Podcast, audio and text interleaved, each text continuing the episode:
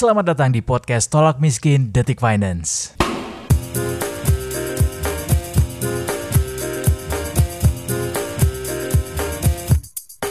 Hidup segan, mati nggak mau. Kayaknya itu deh kalimat yang bisa diibaratkan ke kondisi pelaku UMKM di tengah pandemi COVID-19 kayak sekarang ini, Detikers penularan virus corona yang makin cepat, makin masif itu udah bikin kita makin megap-megap ekonominya karena pemerintah akhirnya menerapkan pembatasan sosial berskala besar.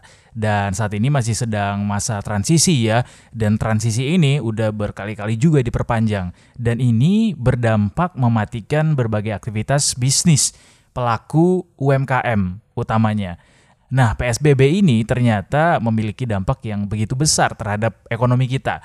Hasilnya bisa kita lihat ekonomi Indonesia pada kuartal kedua ini yang kemarin baru diumumin sama BPS harus terkontraksi alias turun sampai 5% dari yang tadinya biasanya kita tumbuh 5%. Nah, di saat krisis seperti sekarang ini, pelaku UMKM harusnya bisa berinovasi sambil memanfaatkan kanal pemasaran dan penjualan online buat jaga keberlangsungan usahanya.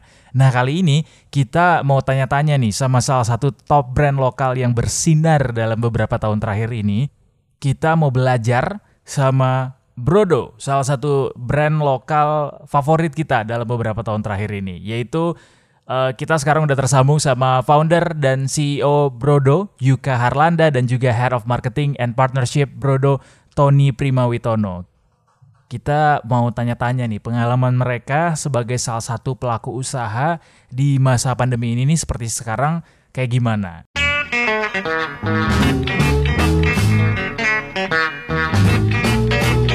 Mas, uh, ini kan uh, kita akan ngobrol-ngobrol soal uh, bagaimana cara sebuah uh, brand lokal bisa bertahan, apalagi di masa pandemi seperti sekarang ini. Nah, sebelumnya saya mau kasih selamat dulu nih buat uh, Brodo yang sekarang usianya udah masuk ke 10 tahun ya, Mas ya.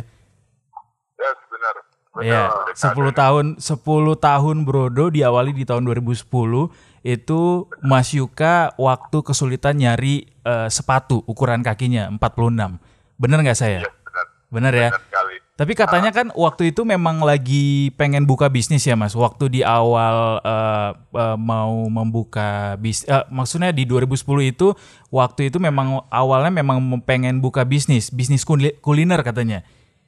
Nah itu partner gue nih si Uta, dia uh -huh. emang pengen berbisnis, tapi uh, sayangnya dia orangnya nggak kreatif jadi nggak punya ide waktu tapi itu, itu gimana gimana ceritanya lulusan lulusan teknik sipil dari ITB pula uh, malah mau buka bisnis kuliner waktu itu Wah kalau kalau Uta emang dari awal udah merasa dia salah jurusan ya jadi hmm. uh, dia sudah mendeklar bahwa dia akan menjadi bisnismen hmm. karena kalau gue pribadi emang masih di jalurnya waktu itu masih berencana karir di construction oil and gas. Mm -hmm.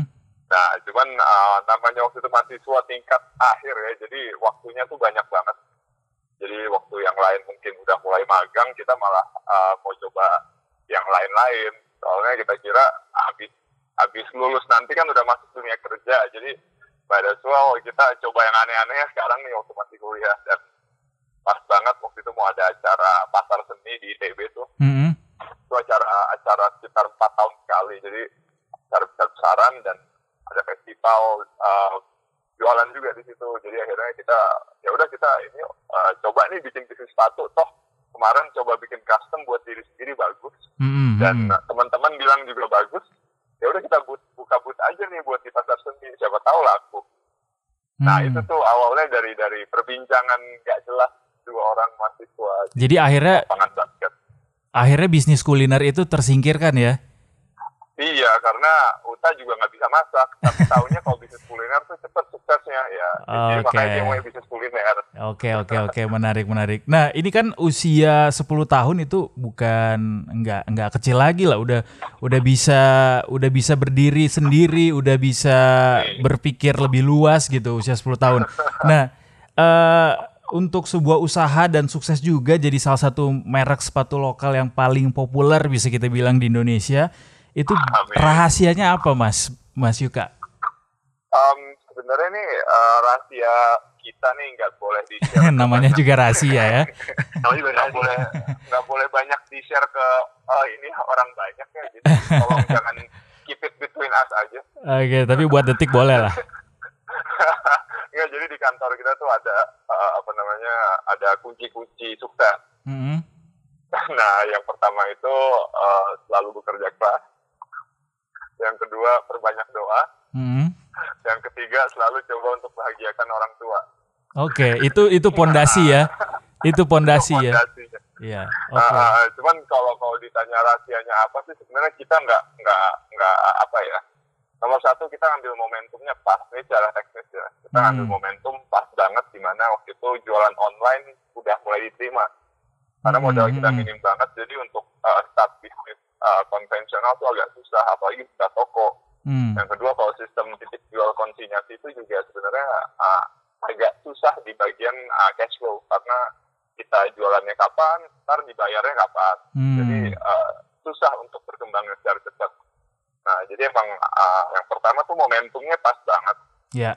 Yang kedua kita nemu uh, ibaratnya segmen yang menurut kita juga uh, tepat banget yaitu usia-usia awal-awal masih kuliah sampai baru-baru awal kerja yang emang mm -hmm. uh, nyari sepatu yang bentuknya itu keren, nggak kalah sama internasional cuman dari sisi uh, pricing tuh bisa uh, affordable hmm. karena posisi kita waktu itu masih kuliah juga uh, nyari sepatu yang affordable jelek-jelek tapi nyari yang keren mahal-mahal jadi kita cari pasti tengah-tengah hmm. hmm. Oke, nah masuk ke usia 10 kan ini sekarang udah makin banyak juga mas brand-brand uh, lokal yang keren-keren juga sepatu. Hmm. Uh, gimana cara bisa tetap bertahan di tengah kepungan uh, apa namanya pesaing yang sekarang ini lagi juga lagi oh. rame-ramenya nih brand-brand lokal yang yes, lain yes, nih. Yes, yes. Nih uh, karena ini apa namanya Tony yang handle nih day to day. Oke, okay, coba boleh Mas Tony. Marketing, production segala macam. Cuman untuk uh, gue uh, abis gue Tony pasti bisa nambahin. Uh, yang pertama sih ini yang paling penting itu di dunia uh, fashion dan sepatu tepatnya mm -hmm. ini uh, bukan segmen yang winner take all. Maksudnya uh, ini dunia yang pemenangnya tuh bisa banyak. Iya. Gitu loh. Jadi uh, karena uh, inherently kalau consumer fashion brand itu emang fragmented, jadi akan banyak sekali brand. Jadi semakin rame brand itu malah semakin bagus karena kan hmm. uh, ngebantu awareness terutama ngemajuin uh, ini yang ngemajuin narasi bahwa brand lokal itu juga sebenarnya hmm. oke okay dan bisa bersaing sama brand asing. Nah itu sih. Jadi kita ngeliatnya sama brand lokal itu justru uh, bukan kompetisi ya, tapi kita saling support dan saling ngebangun marketnya bareng-bareng. Karena jadi nggak merasa tersaing ini mas? Um, nggak juga sih, karena uh, beda ini ya. contoh, ya. Satu customer Brodo, mereka hmm. pasti punya merek lain juga. Hmm, hmm ya ya ya. Gitu dan dan saya juga satu olahraga juga merek-mereknya juga macam-macam gitu. Yeah. Jadi uh, yang penting adalah tadi uh, gimana caranya supaya uh, makin banyak orang percaya kalau brand lokal tuh keren-keren. Nah, Tony ini bisa nambahin nih. Iya, sebenarnya sih memang uh, apa tuh namanya bisa dilihat dari uh, opportunity atau ini sebagai apa ya uh, ancaman ya hmm. banyak banyak brand lokal. Cuman yang kita lihat di sini sebenarnya justru uh, sangat positif karena lebih banyak orang yang uh, suka dengan brand lokal.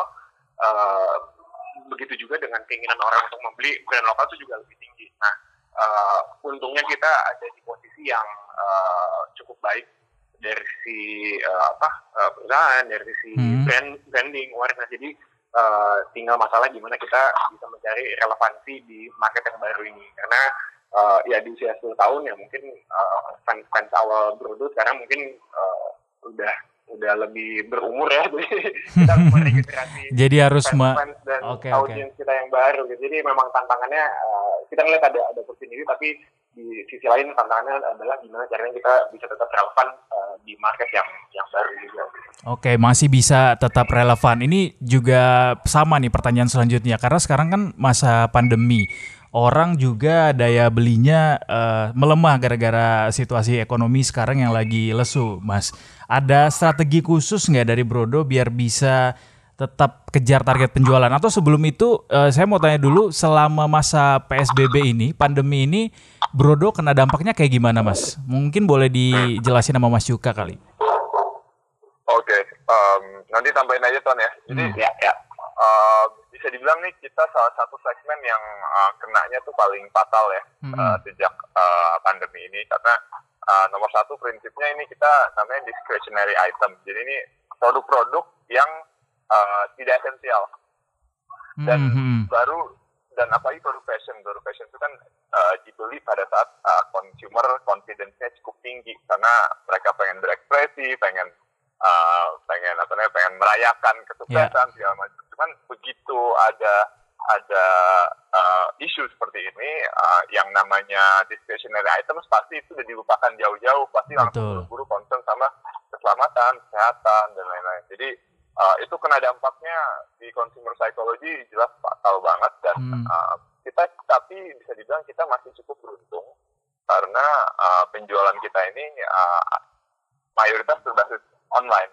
Oke. Okay. Jadi walaupun kemarin itu ada PSBB, masuk bisnis kita seenggaknya masih bisa berjalan beda sama teman-teman yang memang uh, full offline. Nah okay. itu itu satu hal yang patut disyukuri dan online sales kita pun bisa dibilang uh, cukup stabil. Namun uh, tetap aja uh, penurunan sales ini tidak bisa mengkompensasi overall penurunan sales kita. Jadi uh, hmm. effort-effort yang kita lakukan uh, nomor satu tentunya mengamankan cash flow, terus negosiasi sama vendor-vendor, hmm. uh, tolong pembayarannya bisa dimundurin, uh, terus keringanan. Uh, yang, yang kita cutting cost sih yang jelas ya kayak spending spending marketing, spending yang lain-lain mau buka store segala macam itu kita tunda semua. Oke, okay, oke. Okay. uh, ya mungkin paling saya tambahin. Ya. Uh, kalau tadi kan yang disebutkan juga itu mungkin lebih dari sisi apa ya uh, penghematan dan segala macam. Tapi di sisi lain sebenarnya kita juga uh, melakukan beberapa hal juga yang uh, mungkin bisa dibilang inovatif kali ya. Mm-hmm. Dan ini lebih ke arah uh, untuk konsumen juga. Jadi uh, konsumen daya belinya melemah dan segala macam. Yes, true untuk beberapa bulan pertama cuman uh, sebenarnya banyak kita lihat sekarang-sekarang ini tren yang uh, apa tuh namanya sebenarnya daya beli juga entah kembali atau sebenarnya teralokasikan ke hal-hal lain kalau kita hmm. lihat hmm. apa tuh namanya uh, orang jadi suka sepedaan sekarang atau yeah. ada yang jadi suka uh, apa tuh namanya hobi tanaman jadi kan sebenarnya daya belinya shifting ya masih ada shift, tapi shifting aja gitu kan jadi uh, salah satu strategi yang kita lakukan adalah ya kita mesti cari barang-barang uh, apa nih yang uh, yang akan uh, shifting. Uh, kalau tadinya kita fokus ke sepatu kulit, tapi karena PSBB work from home orang jadi nggak concern dengan sepatu kulit untuk ke kantor, ya kita uh, come up with produk yang lebih relevan, entah itu sandal untuk di rumah atau uh, tas sepeda gitu kan. Jadi uh, kita hmm. berinovasi juga untuk uh, untuk mencari uh, produk-produk yang relevan atau kemarin juga kita uh, akhirnya membuat masker uh, apa namanya untuk untuk konsumen juga. Oh Brodo yang juga kedua, produksi masker ya? Produksi, produksi hmm. akhirnya. Uh, ini lagi kita lagi uh, develop masker untuk yang lebih suitable buat olahraga. Hmm. Kan. Jadi ya, inovasi di sisi kita juga tetap, tetap terus kita kembangin karena uh, ya gini dengan ada perubahan ini kan kita juga mesti tetap tetap agile ya kita yeah. mesti tetap beradaptasi dengan market. Nah yang kedua uh, salah satu hal yang kita lakukan adalah uh, gimana caranya kita membantu customer untuk uh, bisa membeli barang kita. Maksudnya gini, kalau kemarin uh, customer uh, daya belinya uh, cukup, tapi hmm. mungkin sekarang cukup, tapi mungkin uh, dia lebih concern kayak kalau misalnya uh, gue spend segini buat sepatu doang, uh, nanti bulan depan gimana ya? Makanya kita membuat program atau membuat uh, sistem uh, pre-order namanya. Jadi hmm. uh, sebenarnya sistem pre-order ini uh, mungkin udah udah lazim ya uh, di teman-teman uh, brand yang lain dan di market Indonesia. Cuman kalau dulu kan uh, sentimennya lebih negatif ya pre-order. Wah ini yeah, yeah. brandnya kere nih nggak punya duit nih makanya pre-order atau segala macam. Cuman yang kita temukan sebenarnya dengan sistem pre-order itu justru kita uh, membuat uh, produksi dan operation kita tuh sangat efisien hmm. karena kita hanya memproduksi uh, yang customer beli gitu kan nah, hmm. nah keuntungannya buat customer apa customer bisa uh, mendapatkan produk dengan harga yang lebih murah gitu kan jadi uh, di situ ada win-win walaupun masih ada sedikit sacrifice-nya lah ya maksudnya dari sisi pre-order itu kan ada lag waktu yang lebih lebih lama lah untuk hmm. customer mendapatkan produknya cuman uh, dari sentimen uh, dari program ini kita luncurin dari awal tahun lalu bahkan itu sentimennya sangat positif kok sebenarnya. Jadi uh, itu hal-hal yang kita lakukan juga untuk uh, apa menjaga dan tetap memberikan uh, produk yang oke okay dan harga yang oke okay ke, ke customer. Oke okay, oke. Okay. Nah, Mas, uh, kan sekarang ini Brodo uh, sudah masuk ke usia 10 tahun. Tapi uh, ada momentumnya juga kurang pas nih. Bisa dibilang kurang pas karena uh, kita lagi dihadapkan sama satu kondisi yang orang juga lagi uh, disuruh hemat-hematnya karena ekonominya lagi yeah. lagi lesu, lagi down gitu. Nah, uh, buat UMKM atau brand lokal sekarang yang sedang berkembang nih biar bisa tetap bertahan tuh di tengah masa-masa sekarang kayak gini atau mungkin dari Brodo sendiri mungkin punya punya pandangan sendiri butuh uh, semacam bantuan atau semacam uh, stimulus apalagi sih dari pe, dari pemerintah mungkin atau dari dari ekosistem bisnis yang ada sekarang ini mas yang bisa di, diperbaiki gitu?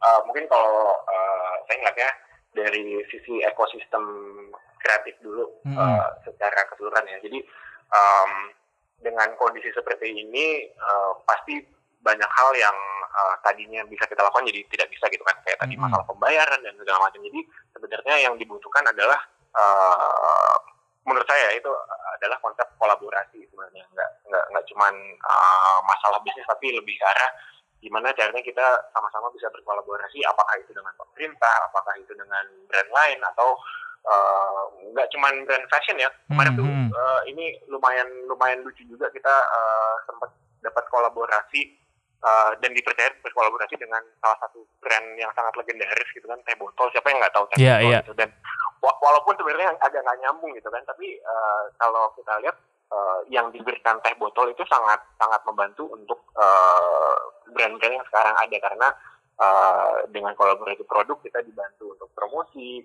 dan uh, kemarin bahkan itu teh botol juga nggak kalau misalnya kita kolaborasi biasanya kan ada bagi-bagi tuh bagi hasil apa segala macam. Cuman uh, kemarin uh, teh botol benar-benar ini gerakan pure yang uh, apa tuh namanya uh, mensupport UMKM dan dan ini baru sekali juga nih yang uh, kita lihat dan itu sangat membantu buat kita. Hmm, uh, hmm. dari segi promosi dari segi inovasi dan segala macam. Jadi uh, kolaborasi kolaborasi semacam itu yang yang kita harapkan bisa uh, bisa terbuka uh, apa uh, ke depannya.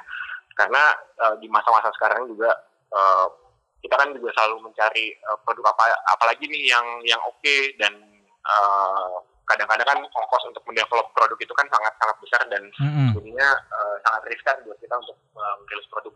Tapi dengan kita berkolaborasi dengan brand atau dengan produk fashion atau mungkin brand dari kategori lain ya, itu sangat membantu kita uh, untuk punya uh, power yang lebih kuat dan keyakinan bahwa oh ini produk ini akan uh, diterima oleh uh, masyarakat gitu. Oke, menarik karena Brodo pada akhirnya uh, melakukan inovasi dan kolaborasi di saat-saat seperti sekarang ini. Uh, terakhir nih sama teh botol ya Mas ya? Hmm, itu yang paling sama... kaya sih. Itu ngapain Mas? Uh, jadi kemarin itu kita uh, develop satu produk custom ya. Jadi kita bukan nggak nggak mendevelop produk yang totally new, tapi kita uh, berkolaborasi dengan salah satu uh, sneaker customizer. Mm -hmm. Itu namanya Mr. S Custom jadi uh, dia me mengcustom sepatu kita untuk dijual lagi jadi itu lumayan lucu juga tuh uh, project yang lucu juga jadi kita bikin uh, box sepatunya kayak bingkisan apa bungkus teh botol kotak gitu jadi uh, it's a fun project lah to to be involved with Oke. Okay. Uh, dan dan nggak nyusahin. Oke oke oke. Nah ini udah 10 tahun usia Brodo sampai dari 2010 ke 2020. Ke depan apa lagi harapan-harapan Brodo untuk 10 tahun 10 tahun selanjutnya Mas? Wah harapan mungkin banyak ya. Hmm. Uh, apalagi Yuka gitu kan udah udah sampai 10 tahun. Kalau kebetulan saya supportnya dari berapa tahun belakangan aja. Cuman uh, tentunya kita tujuan utamanya adalah uh, untuk beat Nike ya. Jadi kita pengen jadi brand sneaker mm-hmm. atau sepatu nomor satu di dunia setelah Nike gitu kan. Uh, Brodo udah ekspor belum mas? Kemarin kan sempat katanya nggak mau ekspor. Hmm. hmm gimana? Sekarang? Uh, kita belum sih belum full, cuman kita udah ada beberapa project yang kita sedang kita develop juga untuk package di luar negeri. Mm-hmm. Jadi ada ada beberapa apa namanya angle-angle yang kita cari yang mungkin lebih suitable untuk untuk customer luar negeri gitu kan. Dari sisi uh, eco-friendly, mm-hmm. dari bahan-bahan yang uh, apa menarik untuk dilirik oleh uh, market di sana gitu ya. Hmm, berarti the Jadi, next go internasional nih. Insya Allah bisa go internasional. Boleh ditambahin mungkin sama Mas Yuka. Bisa ada ada dua ada dua goal ya. Jadi ada goal yang emang sifatnya itu internal sama yang sifatnya eksternal. Uh-huh. Kalau internal tadi udah dijelasin sama Tony emang karena kita ini uh, bener-bener uh, kan berat sama tadi brand yang sebut saja depannya N, mm-hmm. belakangnya mm-hmm. Mm-hmm. Uh, bagaimana mereka bisa menciptakan sebuah produk tapi itu menyentuh emosi dan bisa go global dan bisa ngasih pengaruh sampai ke seorang uh, uh, anak yang besar tumbuh di negara mana pun. Mm-hmm. Nah jadi akhirnya uh, kita pengen punya produk yang punya impact seperti itu dan suatu hari bisa go global. Hmm. Nah itu internalnya. Kalau kita dari sisi eksternalnya, kita pengen lihat sebenarnya uh, brand-brand Indonesia ini bisa um, eksis, bisa keren, bisa go global juga. Jadi nggak nggak cuma nggak cuma kita aja, tapi kita pengen lihat brand-brand yang lain juga gitu. Karena um, pada faktanya uh, adalah bahwa ini kita Indonesia sebagai produsen itu kan kita sudah diakui ya banyak banget uh, uh, brand-brand luar negeri yang mungkin value-nya bisa billion dollar, semua punya basis produksi di Indonesia. Cuman tapi kok nggak ada sih brand Indonesia-nya yang bisa eksis. Nah, hmm. Nah kita pengen seenggaknya uh, kalaupun kita nantinya nggak sampai, sehingga kita bisa ngasih contoh dan ngasih inspirasi buat generasi berikutnya buat uh, mencoba terus um, membuktikan bahwa ini kita bangsa uh, sudah layak untuk bisa uh, berkompetisi di global. Di global, oke. Okay. Gitu Oke oke menarik. Uh, Sebenarnya uh, goals dari Brodo sendiri dari dulu sampai sekarang tuh sama ya Mas ya, menginternasionalkan sepatu buatan lokal. Benar. Uh, uh, semoga Benar. bisa bisa tercapai untuk 10 tahun 10 tahun selanjutnya dan kita tunggu gebrakan-gebrakan Brodo yang selanjutnya. Siap. Siap. Oke terima kasih banyak Mas Yuka dan Mas Sony udah bergabung di podcast Solak Miskin. Uh, Semoga menginspirasi detikers yang mendengarkan uh, buat detikers yang mungkin uh, kepikiran buat buka usaha, buat buka bisnis di masa pandemi seperti sekarang ini mungkin bisa memulai dengan cara yang dilakukan oleh Brodo yaitu melakukan inovasi uh, dan juga saat ini juga uh, momennya buat kolaborasi biar bisa sama-sama bisa bangkit.